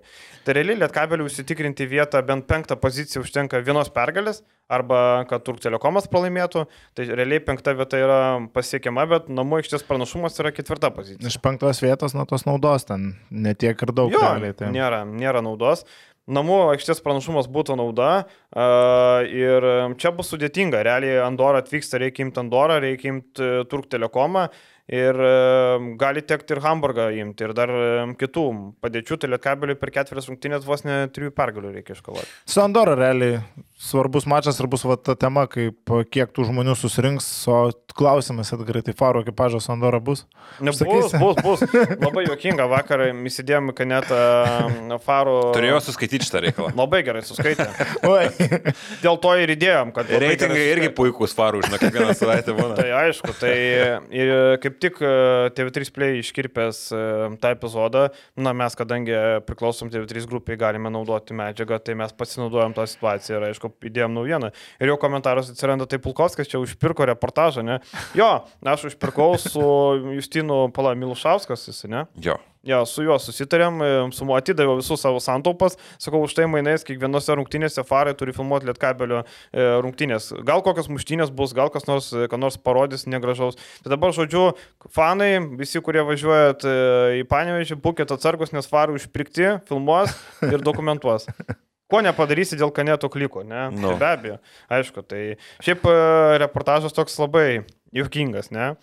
Man ten ta situacija, kur arenos viduje tai absurdiškai atrodė. Atėjo, pafilmavo, kai pasišnekėjo, jūs čia kažką blogai darot, klausykit apsaugos. Nu, man ten ta vieta taip, okei, okay, ko jūs čia važiavot ir ko čia jums reikia toje arenoje iš viso. Nu, kas jau vyko laukia, nu tai vyko snukėdužis, ten jau žinai, tiesiog. Bet ten konfliktas buvo, nes atsid vėliavos užtoja logotipus, kurie eina per, per tuos tarp, tarp ložių ir, ir tribūnų. Bet nu, ten tokios smulkmenos, bet aišku įvyko tas toks apsižodžiavimas, konfliktas, apsaugos darbuotojai matyti šiek tiek įtepė, kad gali būti, žinai, didesnių neramumų ir iškvietė policiją. Bet aš kaip suprantu, jau buvo policijos ekipažas ir taip, ir paskui dar atvažiavo farai ir tada, jau, tada jau prasidėjo veiksmas. Įkvietė lyderį su juo pakalbėjo. Bet įdomiausia, aišku, kad vyko porungtinių, ten rungtinių metu nieko nebuvo, porungtinių ten, ten e, pribėgo biški pasimušti. Bet tie vietiniai irgi ten tokie, tai čia mes stovėjom, pribėgo, jo, pribėgo ir tai pradėjo. Mes nieko nedarėm, nieko nedarėm. Jie, jie pralošė, jie pralošė, dėl to mhm. susinervavo ir mus mušė. Jo, jo, visiškai nu? iš nieko. Čia iš nieko buvo, kaip čia. Tarkim. Nors a, aš girdėjau, kad ten buvo provokacijos šiek tiek, aš girdėjau, kad ten, kad ten kažkas rėkia į Vilniečių pusę nelabai gražiai, bent jau kiek, kiek, kiek man yra pasakoja liudininkai įvykio. Tai... Kaip sakė Vytautas Šustauskas kažkada tada svarbu gyvį liko. svarbu gyvį. Čia kai mašina sudaužė. Kai mašina girtą sudaužė. nu, Blemba, tuo metu ta mašina tokia brangi buvo. Gera buvo gera. mašina, taip, taip. Ir, ir, kažkada jį, ir kažkada dar po mėnesio jį pagavo, nu, tikrino jo blaivumą, blaivas tada buvo, ir žurnalistam, nes žurnalistai suvažiavo, Įsidėmėkit visiems laikams, Šustauskas negeria. ir žinai, žinai, kas baisiausia dabar, Vytautas Šustauskas nėra pats nepadariausias Kauno meras, kada nors buvęs šiuose pareigose. o jo, atsirado. Ne, ne, nepratesti savo minties, bet turbūt supratot. o tai klausyk, o tai krabas laimės dar vieną kadenciją ar... ar um... Į mane prašom nežiūrėti, aš nekartą už jį nebalsavau. Tai... Jeigu žalgiriui daugiau pinigų duos, tai liks, man atrodo, merą. Sakyk, žalgiriui viskas, savivaldybė nuima paramą ten e, finansavimą mokyklam, darželiam, duodam žalgiriui. O, o žinojai tą bičią, kuris ten pinigus rėbė? Ne, nežinau šio, bet dabar jau žinau. Dabar jau žinai. Ten biškai nekilnojamo turto turėjo. 27 nekilnojamo turto e, objektai. Ir į Tenerifę bet galinio bilieto. Su kiek ten kešo? Nu, nemažai. Nemažai. Sloniko milijonierius. Šimto tūkstančių, man atrodo, ten kiek ten. Politinis susidorojimas. Visiškai. Jokingiausia, kai veda į teismą žurnalistas. Nu tai, kodėl paėmėt kišį? O tai kokia suma? Už kokius objektus? Taip, paims ir pasakys, vad būtent. Ai, čia biškai, žinokit, apsimui. Mane visą laiką papuoliau. Mane visą laiką, žinot, kas yra geriausias šitų visų maklių darytojas ir vėliau atmazninkas? Bronius Višniauskas. Žino tokį? Ne. Aš žinau. Ramūno tai- Višniausko, nu, tas sunkius Aš sunkiausias. šitą, žinau, kur Bronius. daug Aš kelia. tik, aš tik rytį žinau. Ai, bronius, žinau. Bronius Višniauskas, taigi su preparatais Ai, visokiais taip, buvo. Taip, taip, sukčiuvinė. Ir e, labai su juo yra gerai, nes jis teisus, jis niekada nekaltas, e, visada būna jo, kai tašėm medalius vežėm, tai ažalo lapų vainikus pirmi kabinot ant kaklų, o dabar biški bėda ir jau puolata, ne? Arba tai tokie sugirdėjęs ir visą laiką jam paskambinti, nes nu, mes darom irgi sporto žinias, tai reikia kažkokio gal komentaro. Kažkada paskambinu, sveiki broniau, galima pasikalbėti trumpai apie jūsų ten tas bėdas. Taigi ne aš čia užsakyta, viskas yra. Taigi aš ne prie ko visiškai. Taigi jūs mane žinot, aš garbingas žmogus. Tai bronius Višniauskas man yra numeris vienas iš tuose. Jeigu parašai Google Bronius Višniauskas, Bronius Višniauskas naujo dopingo skandalą vadina kerštu. Va, va. va. Tai ką kalbu? Va, apie tai ir kalba Bronius Višniauskas. Gal klausom mūsų podcastą, bro, Bronius. Bronio linkėjimai, u, dar didesni rinkėjimai Bronio iš TV3 kriminalo. A. Jis yra žmogus, kur atsiduria avarijoje iki ją įvykstant dar. Jis ten laukia, įvyksta avarija, ten nufilmuoja. Bronius yra legenda. Nežinai Broniaus? TV3 kriminalai geriausi Lietuvoje, žinok. Bronius e, viską dokumentuoja. Taip, taip. Taip. Kas nežiūrit e, kriminalų, TV3 būtinai pažiūrėkit. O o čia viskas, mūsų plėpalų laida baigta, ne? dar Jonavos, Jonavos naujoką galima aptarti. kažką? Nublemba, nežinau, Ne? ką apie jį sakyti. Kad pakeičia šiek tiek situaciją. Žinai, ką Ne? reikia? Aš tai nežinau jo pajėgumo, tai nežinau, kiek Stat skaičius matom. Man atrodo, žinai dar ką, vaką pamiršom. E, Zenita grįžo Oi. krūvą balvonų. Ui, Ką galim pasakyti apie Mateušą Ponitką? Lenkijos gėda. Šiaip vienas mėgstamesnių Eurolygos krepšininkų buvo. Ką, ką tu čia dabar sakysi? Buvo, buvo Taip, kažkada, bet dabar aš nežinau. Man, man šitoje situacijoje, žinot, kas nepatinka, tik tai, kad uh, yra to nuomonė, ai, tai čia amerikiečiai, tai čia ant tų tai nepykim, jie biški ten. Kamon, jų prezidentas ką tik Putiną išvadino uh, karo nusikalteliu, jie turi prieimą prie normalios žiniasklaidos ir, nu, tai čia ant jų biški nepykim, ten jie biški kitokie gal. Nu, ne, lygiai tai tie patys vertinimo kriterijai ir Lenkų, ir amerikiečiam, nu, okei, okay, Lenką mes dar griežčiau gal vertinam, nes, nu, tai yra iš esmės tokioje pačioje situacijoje šalis kaip ir Lietuva, bet amerikietis, nu, lygiai taip pačiai turėtų elgtis, kaip sako jo sąžinė, kaip sako jo protas. Jeigu to proto yra netiek ir daug, to sąžinės turbūt irgi neprūdai, tai toliau sėkmingai žaidžia vieningoje lygoje ir kovoja dėl įstabaus trofėjaus. CSK lavonų prisipirko ten mačiau, ar vieną lavoną tik tai. Česperas Vairas iš Jenisėjos perėjęs SK. Bet Klaiburnas toliau šokinėja savo ramus. Prisipažinsiu, aš net kai kuriem Instagramą parašiau, Svetamą Kasparui parašiau, nes ten šūdus kėlėsi visiškus istorijus, paklaus, nu, ten tokių retorinių klausimų aš uždaviau. Tai... Aišku, neperskaitė. ne, žinot, kas perskaitė, Billy Baronas perskaitė. Štamą parašiau, Billy Baronas sin padarė ir dar vienas sin, bet niekas netrašė. Šeškus irgi Bernui parašė, šutrajakas. o šiaip e, Ponitka grįžo šeši legionieriai, prie tų amerikiečių dar Jordanas Mickey kitą dieną prisijungė. Tai reiškia, Zenita paliko tik tai du padorus asmenys ir e, abu asmenys iš Lietuvos, Kuzminskas ir Gudaitis. O dabar, ką girdėjau, Zenitas e, nori laimėti VTB. Nes jeigu laimės VTB, turės vietą Eurolygo neve. Nu, pagal viską, ne. Tai jie ne šiaip savo atvažiavo, o Ponitka net Instagramą įsitrynė. Turbūt tokių kaip tu atsirado labai daug ir Ponitka suprato, koks heitas Tai parėjo. aš įsivaizduoju, jis Lenkijoje tai persona non grata, realiai. Jis rinktiniai negalėjo žaisti. Dėl šitų sprendimų, nu, aš manau, kad Kuzė su Gudu žinojo, kad jie grįž. Manau, kad tokia mintis buvo ir dėl šitų sprendimų, kad jie grįžo ir kad jie vėliau nesugrįžo į Rusiją.